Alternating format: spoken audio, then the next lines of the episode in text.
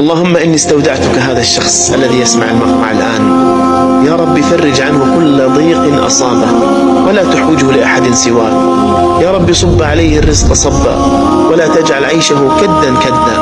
يا رب أعطه من الخير فوق ما يرجو واصرف عنه من السوء فوق ما يحذر. يا رب اجعل قلبه مملوءا بحبك ولسانه رطبا بذكرك وأعنه على شكرك وحسن عبادتك.